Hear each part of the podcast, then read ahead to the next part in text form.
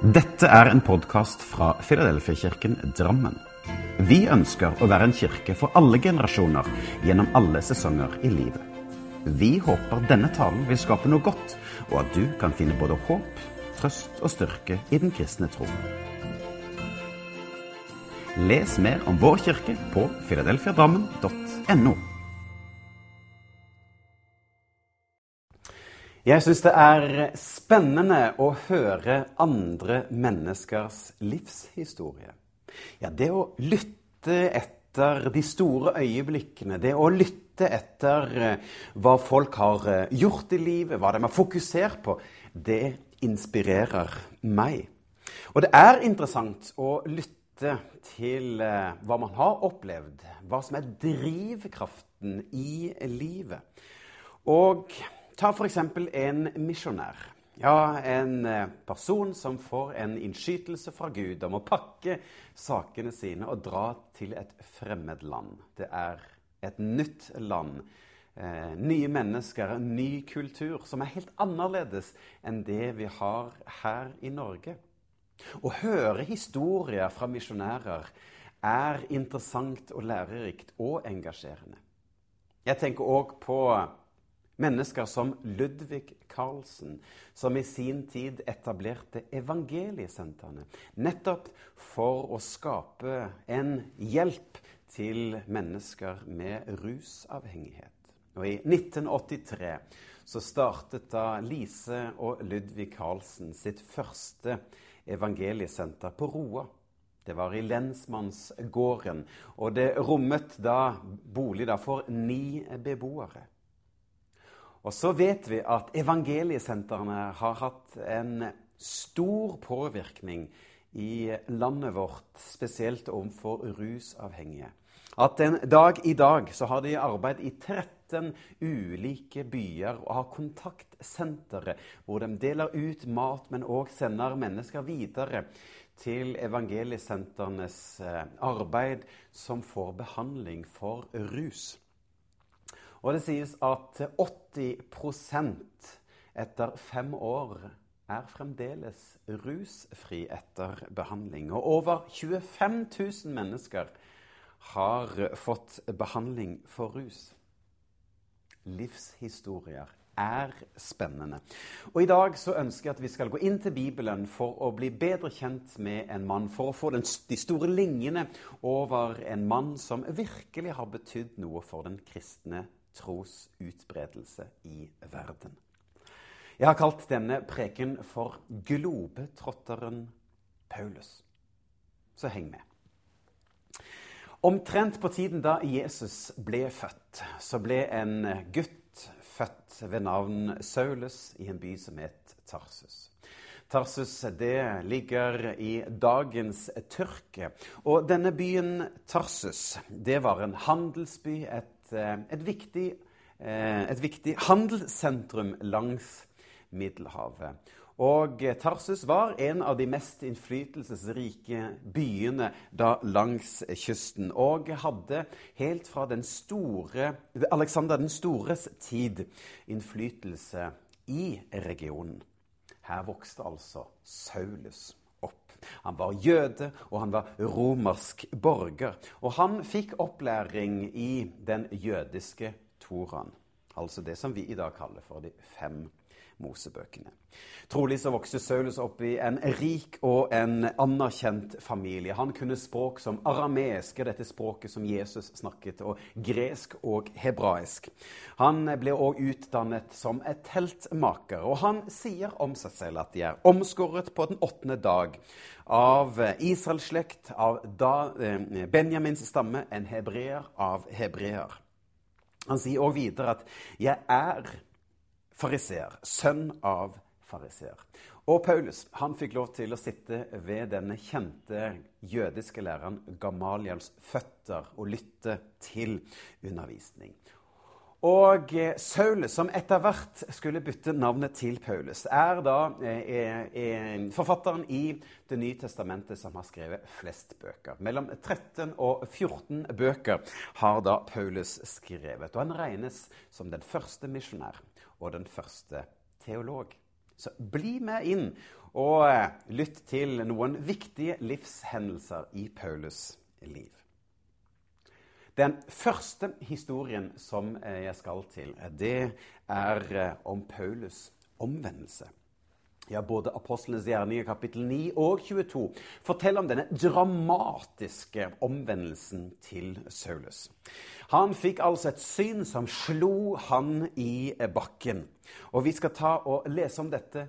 Men eh, Saulus han var òg til stede da den første martyr ble drept, altså Stefanus som ble drept pga. sin tro. Men la oss lese litt fra Hverdagsbibelen, fra Apostlenes gjerninger, kapittel 9, hvor det står I mellomtiden var Saulus fremdeles ute etter de kristne. Han var villig til å drepe dem.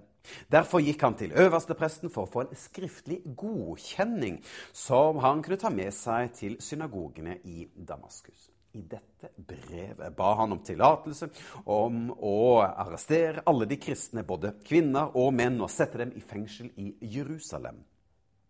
Da han reiste av sted og nærmet seg Damaskus, kom det plutselig et skinnende lys fra himmelen over og rundt ham. Saulus falt til bakken og eh, hørte en stemme som sa, Saul, Saul, hvorfor forfølger du meg? Da sa Saulus, Hvem er du, Herre? Stemmen svarte, Jeg er Jesus, han som du forfølger. Du har en hard kamp å kjempe. Paulus sa skjelven og forundret, Herre, hva vil du jeg skal gjøre? Da sa Herren til ham, reis deg opp og gå inn i byen, og vent der, så skal du få vite hva du skal gjøre. Reisefølget til Saulus ble stående målløse, for de hørte en stemme, men så ikke hvem som snakket. Saulus reiste seg opp fra bakken, men selv om han hadde åpne øyne, kunne han, kunne han, ikke se. Så Derfor måtte de leie han inn i Damaskus. De tre neste dagene var han helt blind, og han verken spiste eller drakk. Saulus fikk altså en radikal omvendelse. Og gjennom dette synet så fikk han møte Jesus, og han ble totalt forandret og forvandlet. På sett og vis så fikk han en ny identitet. Han fikk nå en pasjon for å følge Jesus, men òg for å følge det Jesus hadde for ham. Han valgte å bytte navn fra Saulus til Paulus. Han fikk en ny identitet og på mange måter en ny mann. Det er ingen menn i Bibelen som har reist så mye som denne Paulus, altså globetrotteren Paulus. Han klarte ikke å la være å fortelle om det han hadde sett, og det han hadde opplevd. Jesus hadde flyttet inn i hans hjerte, og nå var det Jesus som var herre i hans liv, og som satte agenda for det store oppdraget han skulle gjøre. Alle som tar imot Jesus, opplever en omvendelse. Og omvendelse kan se ulikt ut hos oss mennesker. Paulus fikk en dramatisk omvendelse. Men rusavhengige som òg møter Jesus gjennom evangeliesentrene, får en dramatisk omvendelse. Altså det å vende seg fra noe til Jesus, til selve lyset. Men det er ikke alle som har og opplever en slik dramatisk omvendelse. Jeg er født og oppvokst i en kristen familie, og for meg så ble ikke omvendelsen så stor og dramatisk. Det viktigste er ikke hva du vender deg bort fra, men heller til hvem du vender deg til. Nemlig Jesus, Guds sønn, som Gud har gjort seg til kjenne i. Ja, vi inviteres til å følge Jesus, til å legge våre liv i hans hender. Og så inviteres du og jeg til å følge Jesus og den agenda han har for vårt liv. Ja, i samsvar med de gaver og talenter som Gud allerede har gitt deg. Og I apostlenes gjerninger så kan vi lese videre om det som skjedde. Og I kapittel 13 så leser vi om eh, begynnelsen av en, et innholdsrikt og spennende tid. Og viktig tid for utbredelsen av den kristne tro. Der står det mens de var eh, i faste og bønn, sa Den hellige ånd. Barnabas og Saulus skal innvies til det spesielle oppdraget jeg har kalt dem til. De tok Barnabas og Saulus, Saulus fram og la hendene på dem, velsignet dem og sendte dem av sted. Ja, legg merke til hva teksten sier. Den hellige ånd sa til dem. Men det stoppet ikke der. De handlet på det Den hellige ånd sa. Og slik inviteres også vi inn til å lytte hva Gud har for oss. Men ikke bare å lytte, men òg å gjøre det som Gud leder oss inn i. Og Den hellige ånd gir nå Paulus et spesielt oppdrag. Det er fire ulike reiser som Paulus skal ut på. Tre misjonsreiser og en strabasiøs reise til Roma. Så la oss plukke ut noen få hendelser som skjedde på disse fire reisene.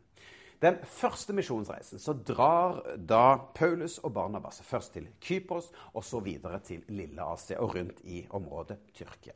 Og der var de på reise halvannet år. Blant dem de møtte, var denne trollmannen Elimas, som ble blind fordi at han motarbeidet Guds vilje.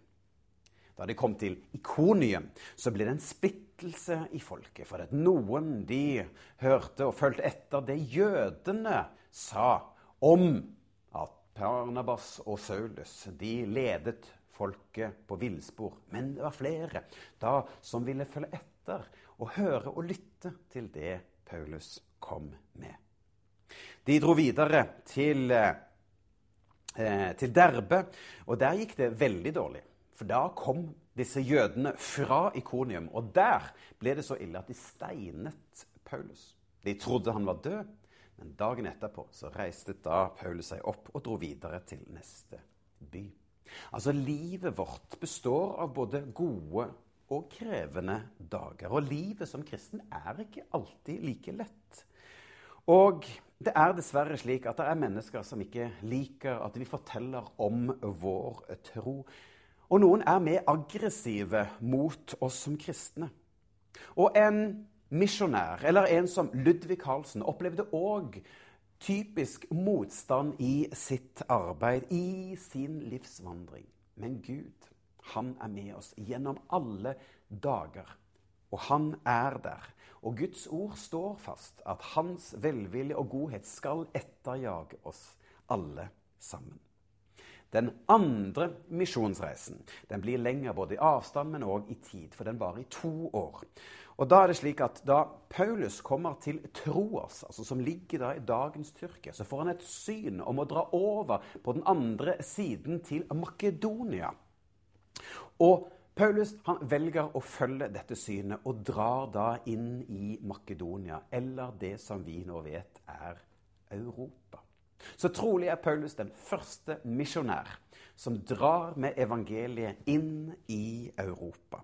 Og der begynner evangeliet å spre seg i store, kjente byer som Tessalonika, som Filippi, Aten og Korint. Alt pga. denne ene mannen, Paulus. Og han velger nå å etablere ulike menigheter i de store byene. Men òg altså i de viktige handelsbyene, der hvor det bodde mange mennesker. Og jeg tenker at Gud ber oss om å bruke både hodet, hjertet og hendene våre. Og hjertet handler om å ha en pasjon for Gud og Hans rike, men òg ha omsorg og medfølelse, medlidenhet for andre mennesker. Hendene er til å be med, men òg til å arbeide med. Og hodet, det er til å både være strategisk klok, men samtidig være vis og avventende. Ja, jeg tror at Gud ønsker å bruke hele oss inn i det han har for oss. I eh, denne byen Filippi så blir eh, nå Paulus og Silas kastet i fengsel fordi det kom falske anklager mot dem. Mens mens de satt der i tempelet, så begynte de å be, og de begynte å synge lovsanger til Gud. Og da kom det et stort jordskjelv som gjorde at dørene spratt opp i fengselet. Paulus og Silas de blir værende igjen i fengselet. Og det som skjedde, det var at mange mennesker begynte å tro på Gud. Fordi de hadde hørt og sett at Gud var der. Og åpnet dørene. Og fangevokteren hans familie kom til tro på Jesus. Vi kan få lov å be om Guds tilstedeværelse i våre liv, og så kan det få lov til å få ringevirkninger. For det er ikke vi som skal frelse andre mennesker, det er Gud som frelser. Men vi kan være med å legge til rette for at Gud skal virke. På sin tredje misjonsreise så drar han eh, tilbake til noen av disse menighetene i Galatia og i lille Asia, som han hadde etablert. Han oppmuntrer dem og forkynte til dem, men òg han begynte å skrive brev til ulike menigheter. Ja, Paulus brev til romerne, første Paulus brev til korinterne, andre brev til korinterne, Filippa-brevet, Feserbrevet, Kolosserbrevet osv.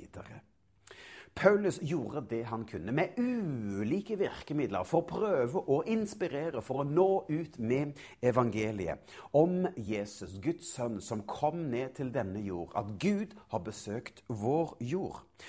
Og Likeledes så tenker jeg at vi òg kan bruke ulike virkemidler for å fortelle de gode nyhetene om Jesus på vår nabolag på vår arbeidsplass, i de eh, relasjoner som vi omgås, så kan vi være vitner. Vi kan spre hans godhet, hans kjærlighet, og fortelle om hvem han er. Og så, den fjerde reisen, så drar altså Paulus til Roma. Og da er det slik at eh, Paulus han blir nå kastet i fengsel nok en gang, da med falske anklager. Og siden da at Paulus var en romersk borger, så kunne han kreve sin rett og få sin sak opp hos keiseren. Ja, trolig var det altså strategen Paulus som var i sitt ess. For han hadde lenge drømt om å dra til Roma. Og han visste jo at Roma var verdens sentrum på den tiden. Og kunne han komme dit, så kunne det spre seg utover i hele verden, de gode nyhetene om Jesus. Så etter en lang og strabasiøs reise ut på Middelhavet, via Malta og opp til Roma, så kom han da fram til sitt sted, Roma, som han ønsket å komme til. Der begynte han å undervise. Han skrev òg flere brev der. Og så vet vi av historien at på et eller annet tidspunkt så blir da Paulus dømt til døden av keiser Nero. År 64, 65, 66, 67, et eller annet rundt der. Og det blir mye forfølgelse av de kristne i Roma og i Romerriket. Men den kristne tro den eh, blir ikke utslått. Det vokser opp likevel. Og så vet vi at f.eks. keiser Konstantin han var den første som ble en kristen av keiserne. Og Da gjorde han det i år 300 at det var akseptabelt med den kristne tro. Og i eh, år 380 så ble kristen tro altså den statsreligionen i Romerriket. Én mann en mann fra Tersus fikk altså en helt spesiell rolle i utbredelsen av Guds rike. Og mannen, han som var en kristendomsforfølger, ble nå en av de mest betydningsfulle for å være med og spre nyhetene om Jesus. Så tilbake igjen til min innledning helt mot slutten her. En misjonær eller en som Ludvig Carlsen. Ja, det er mennesker som er dedikerte i sitt oppdrag. Og trolig så vet man ikke når man starter på sitt reise eller sitt prosjekt, hvordan denne reisen vil bli. Men det lille kan få lov til å vokse, slik at det blir til noe større. Så ta med deg denne Paulus-historien som inspirasjon til ditt liv der hvor du er. At du kan leve fullt og helt for Jesus. Og at det er han som er med og setter retning. Det er han som velger hvor du skal gå. At du kan lytte til det han har å si for deg. Og så kan du bruke dine talenter, ferdigheter, gaver og det du har Gi det til ham, og så er det han som leder deg og bruker deg til å være til velsignelse for Gud, men òg for andre mennesker. Så la disse ordene få lov til å prege deg i ukene som ligger foran. Må Gud velsigne deg. Amen.